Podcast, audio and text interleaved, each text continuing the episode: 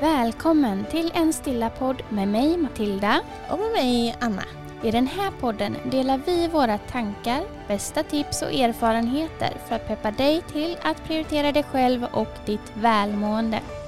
Vår övertygelse är att mer stillhet leder till mindre stress och mer balans, harmoni och glädje i livet. Nu kör vi!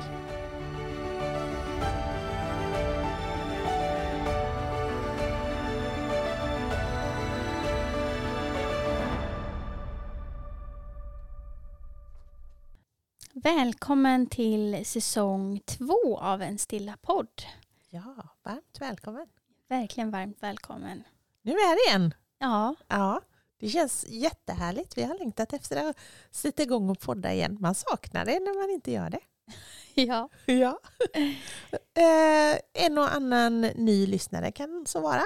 ja kan vara så. Kan vara så. Ja, vi tänkte att vi skulle börja med att eh, presentera oss själva lite grann för Mm. er som kanske inte varit med tidigare. Precis. Anna heter jag, eh, mamma till Matilda. Det är någonting jag ofta eh, presenterar mig som. Ja. Mamma är en stor del av min självbild, helt, helt klart. Eh, men Anna, del av Studio Stilla tillsammans med Matilda. Och eh, även utbildad sjuksköterska. Jobbar nu som eh, rådgivande telefonsjuksköterska en del av min tid. Och är också utbildad yogalärare och KBT-terapeut och frisör faktiskt. Jag har inte Mm. jobbat med det så många, på så många år, men ja, om man nu ska radda sina utbildningar. ja. Ja, du då? Jag heter Matilda. Jag är utbildad förskollärare, vilket jag också jobbar som i dagsläget. Sen är jag mindfulnessinstruktör och eh, jobbar här nu då på Studio Stilla. Ja, Men precis. Och vi får ofta frågan vad Studio Stilla egentligen är eftersom det inte är någon fysisk yogastudio som man faktiskt kan tro med tanke på namnet. Utan vi försöker istället genom flera olika sociala kanaler inspirera till mer stillhet och försöka vara en motvikt till det ja, men ganska kaosiga världen som vi faktiskt lever i. För att eh, vår övertygelse är att vi människor skulle nå en ökad hälsa om vi vore lite mer i stillhet oftare. Och om vi blev bättre på att ta oss tid till återhämtning, vila och reflektion. Eh, och ökade vår medvetenhet om vår egen livsbalans just mellan aktivitet och vila så skulle vi faktiskt må bättre ja men precis. Det är lite av vårt syfte och mål med vårt företag. Mm. Idag ska vi prata om eh, kärlek. Kärlekens tecken. Vi eh, kommer prata om eh, kärlek till våra nära och kära. Kärlek till människor som vi kanske inte har så nära på oss. Men också kärleken till Moder Jord och vår natur. Men också kärleken till oss själva. Ja. Ja, Precis. Vi passar på och pratar om detta under den här eh, ja, men våran kärleksvecka. Vi brukar göra som så här att den här veckan dedikerar vi till kärleken helt och hållet. Och vi passar på att göra det i samband med alla hjärtans dag som vi kanske på många sätt tycker är en genomkommersiell eh, hittepåhögtid. Men ändå ett fint syfte Ja. och en fin liksom, utgångspunkt. Kärlek är aldrig fel. Kärlek är alltid rätt. Så denna veckan kommer vi att öva extra mycket på kärlek. Ja, Uppmärksamma det mer. absolut. Mm. Ja, men hur ser du på hur, du, hur ser du på kärlek? Kärlek. Det jag funderade på detta redan i igår mycket så här, men vad, vad innebär kärlek för mig egentligen? Och kärlek är väl, eh, ja men dels känner man ju kärlek för de som man har väldigt nära sig, sin familj och släktingar kanske sådär. Eh, men sen så känner man ju en viss kärlek till sina arbetskamrater, till sina vänner, eh, folk som man ja, men möter kanske dagligen så. Men sen eh, finns ju kärlek också då som man på ett eller annat vis visar till vår planet, djuren som lever på den och allt däremellan. Och sen viss del också ja, men kärlek till sig själv. Mm. Så att kärlek finns ju lite överallt. Men det är ju så här, ja, hur mycket uppmärksammar man kärleken? Mm. Hur mycket tänker man på den? Och hur agerar vi på kärlek? Mm. Ja, Jag tror ju att alltså kärleken är ju på något vis grunden till allt. Men eftersom vi så ofta inte reflekterar över den, eller så eftersom vi reflekterar över den så sällan, Mm. så är det tyvärr inte den som styr vårt agerande. Nej, tyvärr så är det nog mycket kanske så irritation, stress, oro, ilska, alltså sådana känslor som gör att vi visar helt andra känslor. Eller så här, det, blir inte att vi agerar kärleksfullt för att vi tappar bort oss själva i negativa känslor som vi istället visar utåt och, och liksom genomsyrar hela kroppen kanske. Mm. Ja, men hur, hur kommer det sig att vi inte är så himla bra på att visa kärlek till, till varandra? Men jag tror att det handlar väldigt mycket om att vi har fastnat i någon föreställning om att ja, men det här med ge och ta. Att vi inte kan tänka oss att ge kärlek villkorslöst utan att vi känner att den är på något vis villkorad, att vi behöver ha någonting tillbaka. Och det tror jag är ett jättestort hinder för oss människor.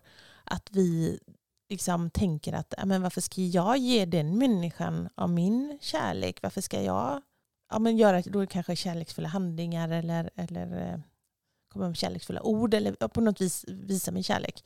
För att den ger ju mig aldrig någonting tillbaka. Och den, ja, jag, jag tror liksom att vi måste ner till grunden. Vi måste gå ner till grunden varför vi faktiskt älskar andra människor. Att vi kanske älskar människor, inte den här stora svulstiga kärleken, men på ett liksom lågmält kärleksfullt sätt så respekterar vi andra människor för dem de är med sina fel och brister och inte är så fördömande utan att vi på något vis Jag tror någonstans att det handlar lite om att ge, att ge någon annan kärlek handlar inte om att den andra kanske ska må, så him- alltså må bra och känna att den är älskad utan det handlar ju också om att känslan inom oss Mm. gör att vi blir varma, vi känner att vi blir mer eh, glada, att det finns kärleksfullare tankar kanske. Hela vi blir ju mer kärlek absolut av att ge kärlek. Ja, men, och all forskning visar ju på att det som skänker oss människor genuin lycka och välmående, det är ju att ge kärlek. Det är Mm. ju det. Är ju det. Att, att genom kanske sina handlingar eller sina ord eller på något vis ge kärlek. Det är det som gör oss genuint lyckliga. Så Mm. det är ju egentligen lite svårare än så. så att, visst, man kan ju tänka att det, ja, det är ju rätt egoistiskt, men Man kan ju inte uppleva någon annans lycka utan man kan ju bara uppleva sin egen lycka egentligen. precis. Mm. Mm. Så ett litet tips här, ja, men se om du inte du kan göra någon kärleksfull handling till någon du har i din närhet och se hur det känns i din kropp av, av att ge den här handlingen till någon annan. Ja men precis. Att, alltså, det finns ju människor vi har runt omkring oss och vi kan ibland fastna i att vi tycker att ja, men, den här människan är rätt osympatisk och en människa som kanske kan vara rätt elak och liksom drivas av rädsla. Men varför, om det får dig att må lite bättre inombords om du kan se på den människan lite mer kärleksfullt så gör ju det bara gott. Det är ju Mm. bara skönt. Det handlar ju inte om att kanske omvandla någon annan eller förändra någon annan, få någon annan att bete sig bättre utan det handlar om din inre känsla av, Mm. av lycka och kärlek. Ja, att möta människor med lite mer vänlighet och lite mer respekt gör ju någonting inombords. Mm. Och sen om det då sprider ringar på vattnet, ja det är ju skitgött. Och det kommer det ju göra till slut såklart om, om om alla blev lite bättre på det här. Men, men det är inte kanske det som är det primära syftet utan det bara känns eh, lugnare inombords. Mm. Eh, Jag är lite allergisk mot det där ge och ta. Jag blir lite eh, knas på det. Jag tycker att det är jobbigt. Jag är uppvuxen med en generation där vi har blivit matade med det jävla uttrycket. Och jag tycker att det är, det ställer till det så himla mycket för oss. För som sagt, kärlek, att, att börja villkora den på något vis, det... Nej, jag gillar det inte. Jag tycker det... Då är vi snett ute. Ge kärlek för din egen skull. Jag Mer är, jag är en sån person som sprider jättemycket kärlek omkring mig, men jag får aldrig någonting tillbaka. Men alltså, vad är det för snack? Jag blir bara... liksom, nej, jag vet inte. Jag vet inte riktigt. Nej, Nej. sluta med det. Ja, vi, vi önskar att vi ger mer kärlek Ja. utan att tänka att man behöver ha tillbaka. Utan att du ger kärlek till någon annan så kommer du ge dig själv kärlek. Ja, men exakt, Lite så. exakt så är det. Ja. Mm. Men hur kommer det sig egentligen att vi är så himla rädda för att ge kärlek? För det är ju någonstans det det kanske också handlar Ja. om. Att vi är rädda att ge någon annan eh, kärleksfulla handlingar. Ja men exakt. Och, ja, men en del är det ju då att vi är ju, vi är ju rädda att inte få någonting tillbaka. Det Mm. tror jag ju är en, en stor grundläggande del. Att vi ska ha blottat oss och gett ifrån oss någonting och så får vi ingenting tillbaka. Mm. Att, att, men om vi liksom ändrar, den, om vi ändrar det synsättet, om vi försöker jobba med det, att kärleken är inte villkorad, så, så är det ju lättare att komma över den rädslan också. Att inte räkna med att okej, jag, jag ska få någonting tillbaka här. Glöm det. Mm. Jag tror att det kan vara svårare om det handlar om mer passionerad kärlek, alltså Mm. kärl, en partner som man har eller sina barn eller någonting. Då tror jag att det kan vara svårare att känna eh, en tillåtelse eller vad man ska säga till att inte få någonting tillbaka. För det, det är ju någonstans en sån rela, eller så en relation går ut på också. Då ska man ju behandlas tillbaka med respekt och eh, få kärlek tillbaka naturligtvis. Det Ja. handlar inte om eh, att leva tillsammans med någon som inte kan ge dig det du behöver också. Nej, nej, men så är det ju såklart. Att, att i en relation, nära rela- relation så måste man ju kunna möta varandras behov såklart. Mm. Absolut. Sen gör vi ju det på olika sätt också. Och det där är ju en utmaning i de flesta relationer. Att vi har så olika sätt att visa, visa kärlek. En del då visar genom handlingar, en del genom ord, en del genom närhet och så vidare. Så att det där är ju en jämkning som, i en, ja, men som en kärleksrelation till exempel som man måste någonstans eh, prata om och kommunicera kring. Vad, vad är det jag behöver för att må bra? Mm. Absolut. Men eh, ja, och den kärleken är ju, det är ju som du säger, att den är inte okomplicerad eh, på något sätt. Den kan ju, den kan ju absolut vara knölig. Mm. Mm, för där, där, där har vi ju så väldigt mycket rädslor i oss. Att, eh, att man är rädd att bli lämnad och man behöver sin trygghet och man behöver känna sig uppskattad och älskad och Mm. åtrådd och allt vad det nu är för någonting för att, för att må bra. Precis. Så, att, så att, ja, nej, kär, kärleken i en nära relation är ju kanske lite på annat sätt än, än den här liksom, som sagt, Vänskapliga. lågmälda kärleken som man känner inför andra människor. Precis. Men, men jag tror ju att världen hade sett väldigt, väldigt mycket annorlunda ut om vi eh, kom till en punkt där vi faktiskt eh, älskade varandra mer. Där vi faktiskt älskar andra människor med deras fel och brister. Att vi bara känner en, en kärlek till andra människor och en respekt för andra människor. Även om vi inte har någon relation till dem. Tänk vad mycket krig och elände som vi skulle slippa om folk bara älskade varandra lite mer. Var mer vänliga och visa varandra respekt. Ja, Mm. inte 17 vill man ha ihjäl folk.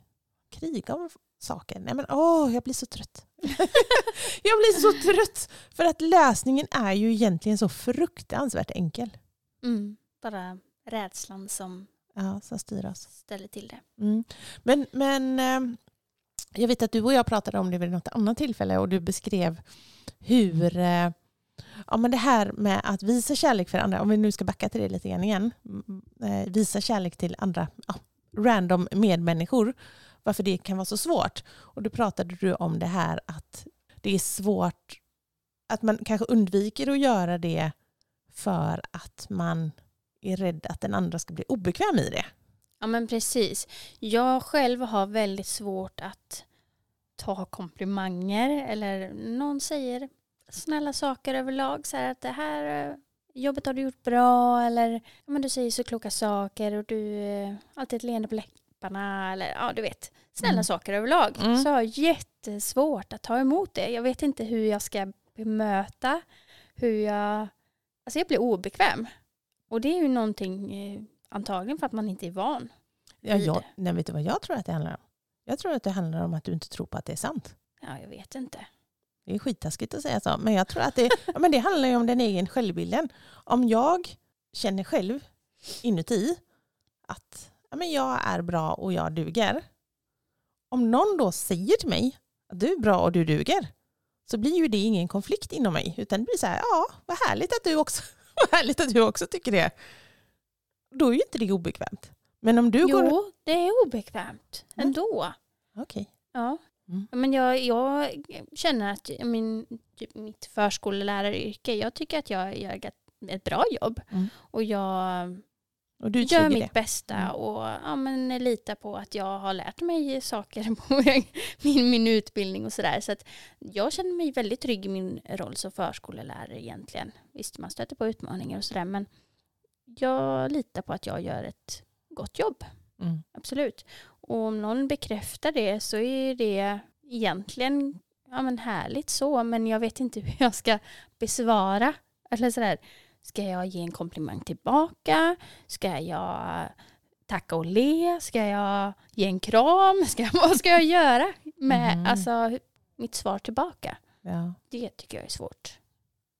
Men det kanske har med social kompetens att göra. Jag vet inte riktigt. Le och vinka. ja, Le och vinka. lite så bara, ja tack eller något. Ja.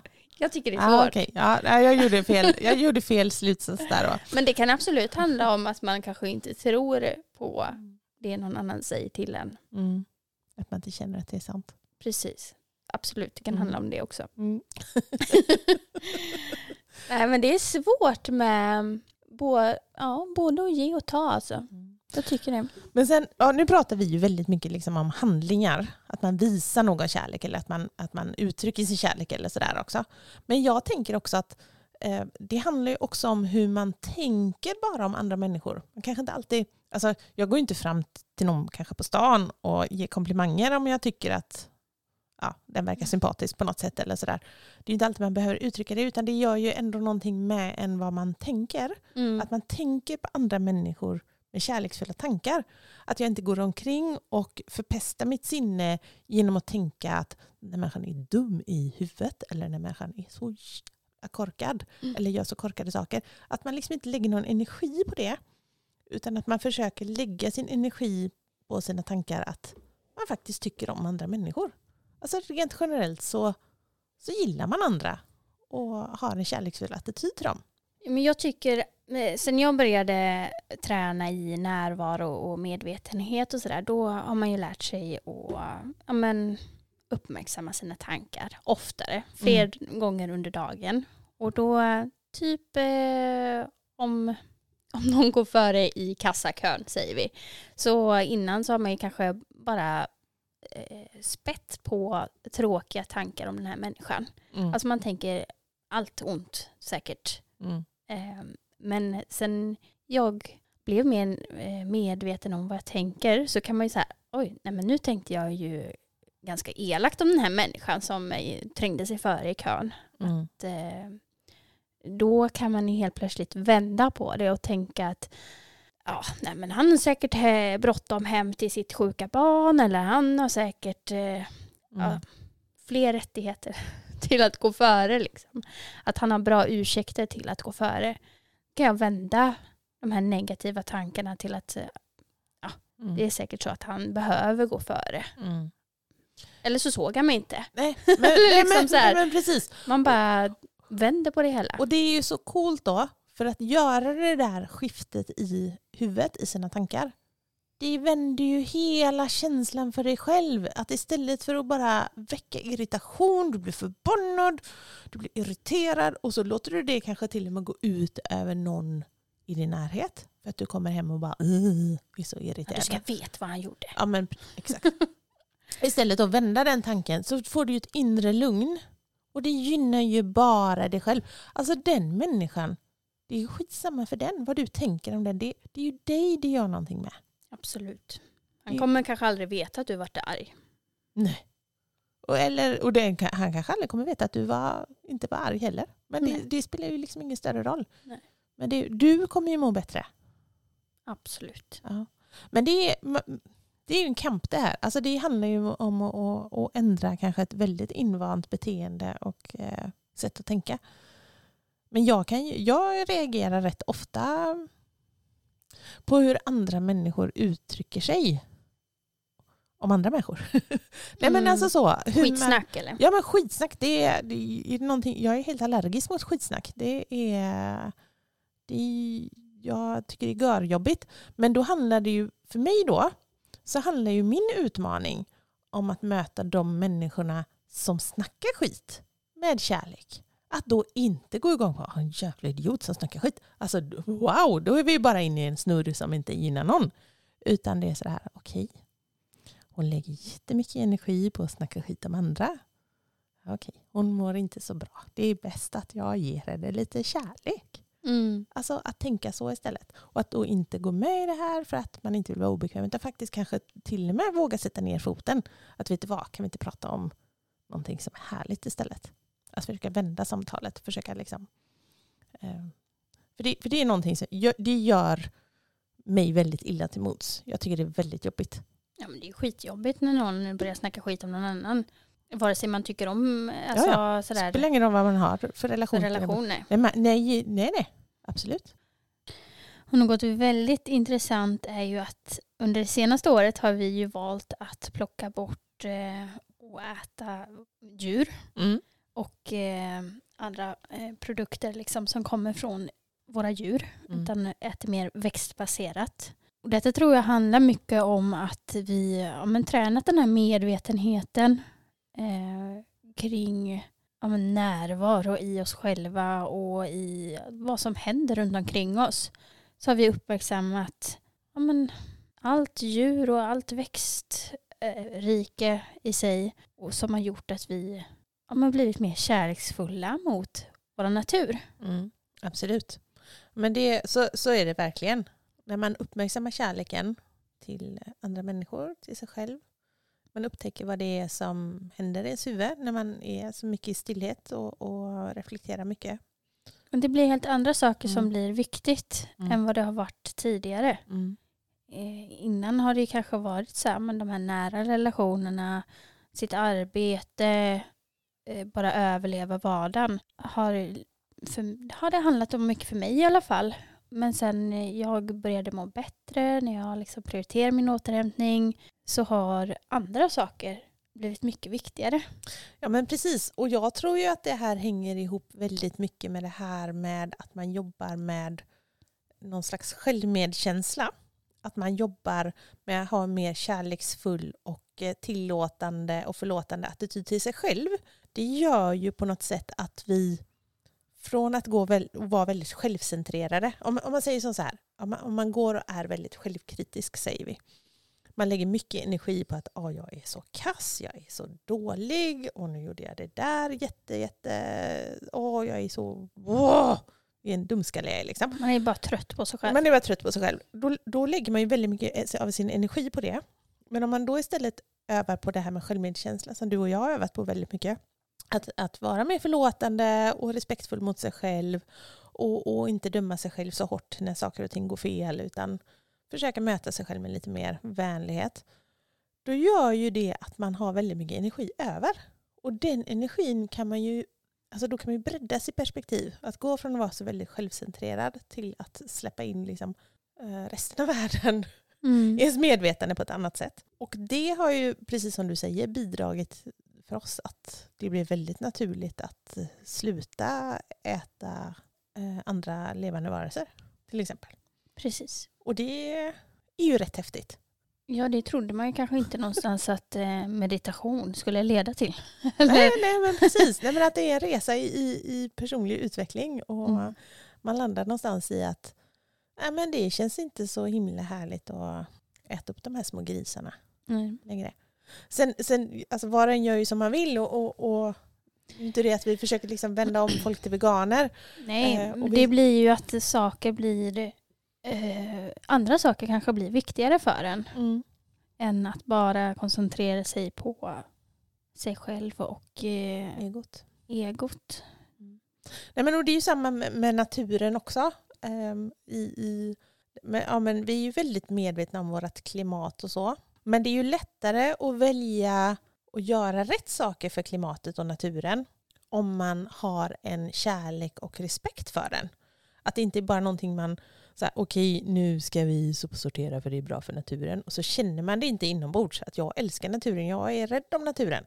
Då blir det ju inte samma motstånd till att, Precis, och det kanske blir lite mer hållbart också ja, i längden. Att så här, det blir, varar kanske inte bara en vecka utan att det är någonting man vill göra och då blir det viktigare och då kommer det hålla Ja. längre. Ja men precis, man, man kan ju se en sån här sak som ja, men skräp i naturen då säger vi. Det har ju alltid funnits och finns ju alltid. Och det är ju någonting man liksom har fått lära sig att ja, men man, skräp, man skräpar inte ner.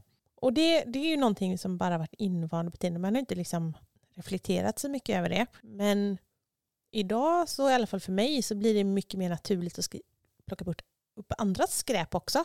För att jag känner en kärlek till Moder Jord och känner att nej, men det är inte schysst att skräpa ner henne. Hon, eh, Förtjänar inte det. nej, hon gör Vi allt bor för oss. här. Hon, ja, men hon gör Håller allt levande. för att vi ska ha det bra på det här stället.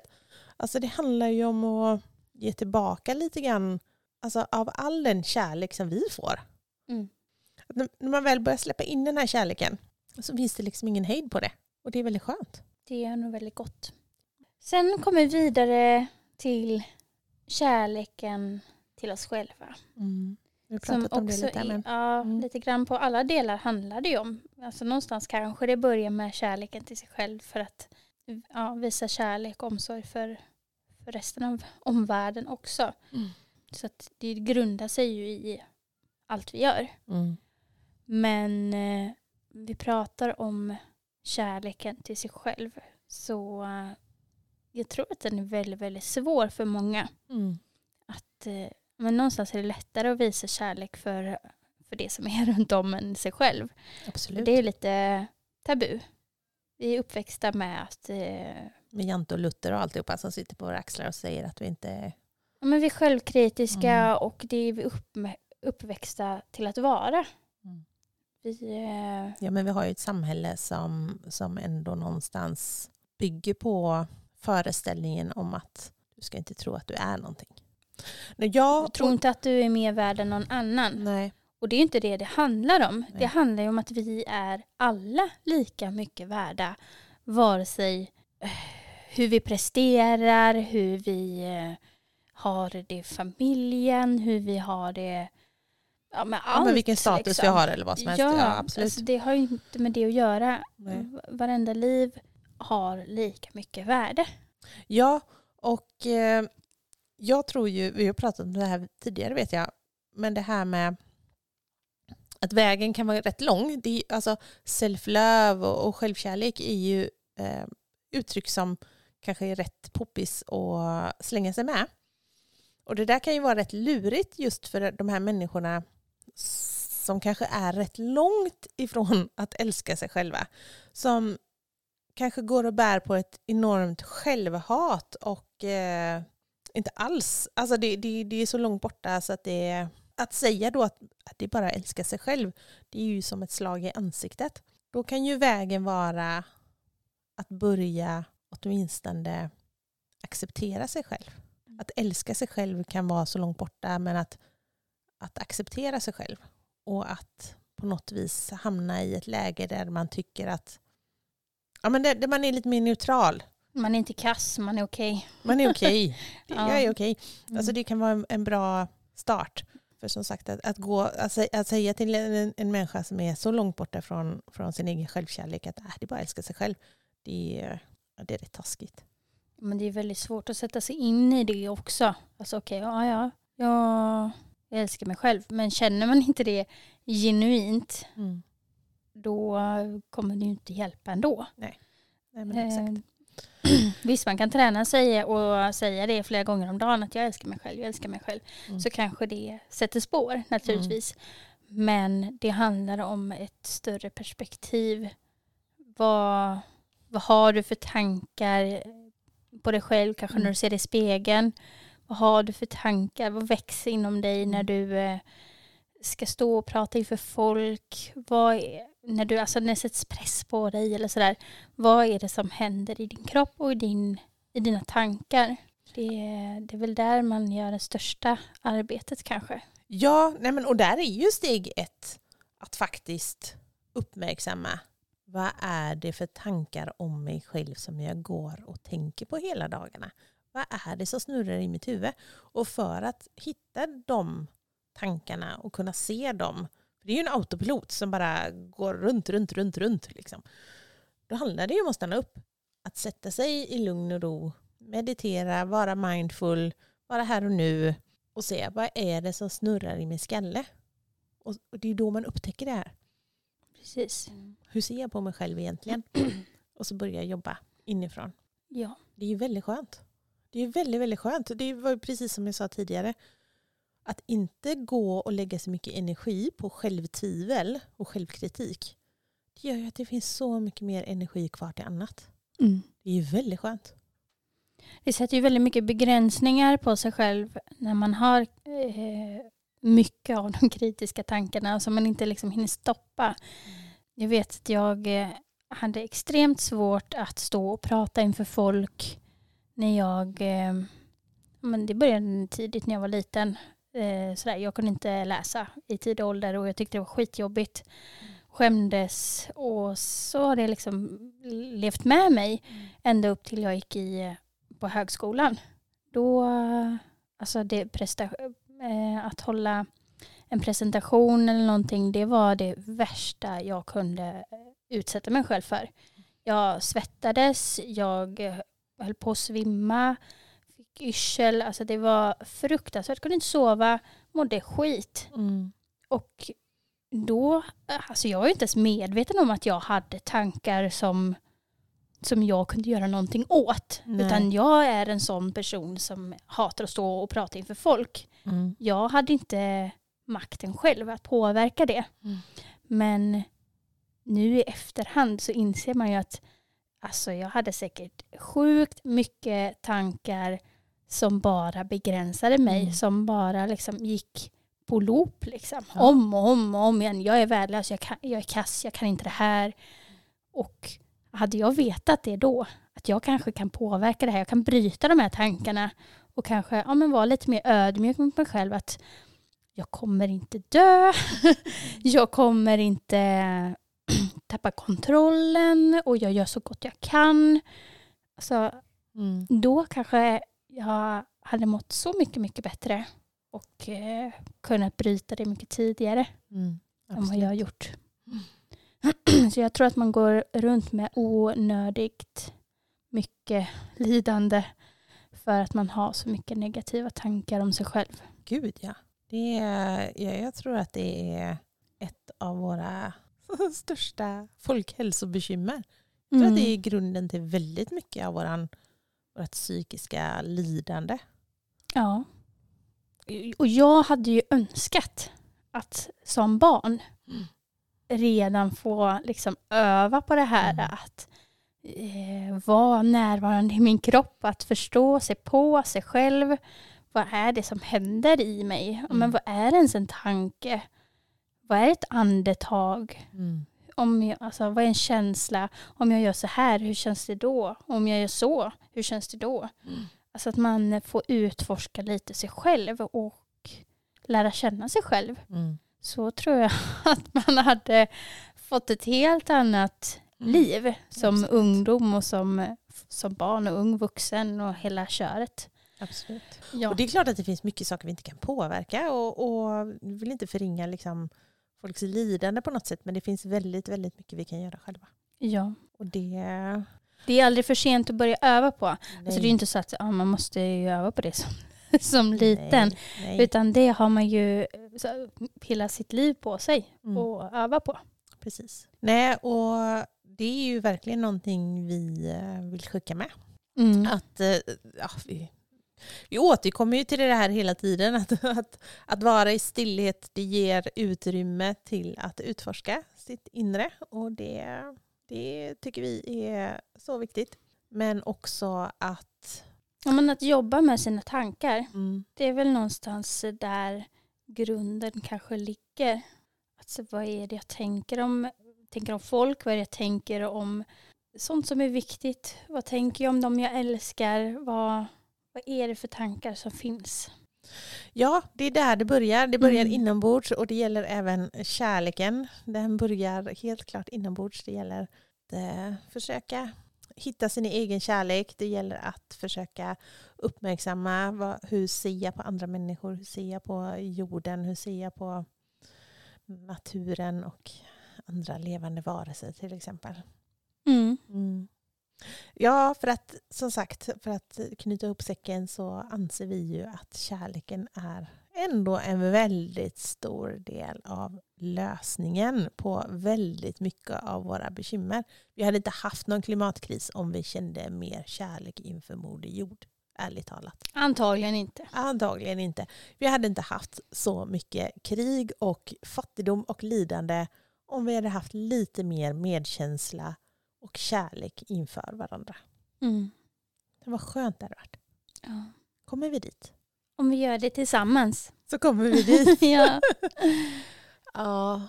jag tror det. Alltså, vi kan göra skillnad till så mycket människor. Mm, precis, och det börjar hos dig och det börjar hos mig. Men med det sagt så tänker väl vi att med det här avsnittet så kickar vi igång vår kärleksvecka. Följ oss gärna på sociala medier under veckan. Eh, Studio Stilla på Instagram är väl den kanalen som, som kommer uppdateras mest frekvent. Mm. Mm. Absolut. Ja. Och i övrigt så vill vi bara önska dig en alldeles, alldeles fantastisk vecka. Så hörs vi snart igen. Det gör vi. Tack för idag. Hej då. Hej då.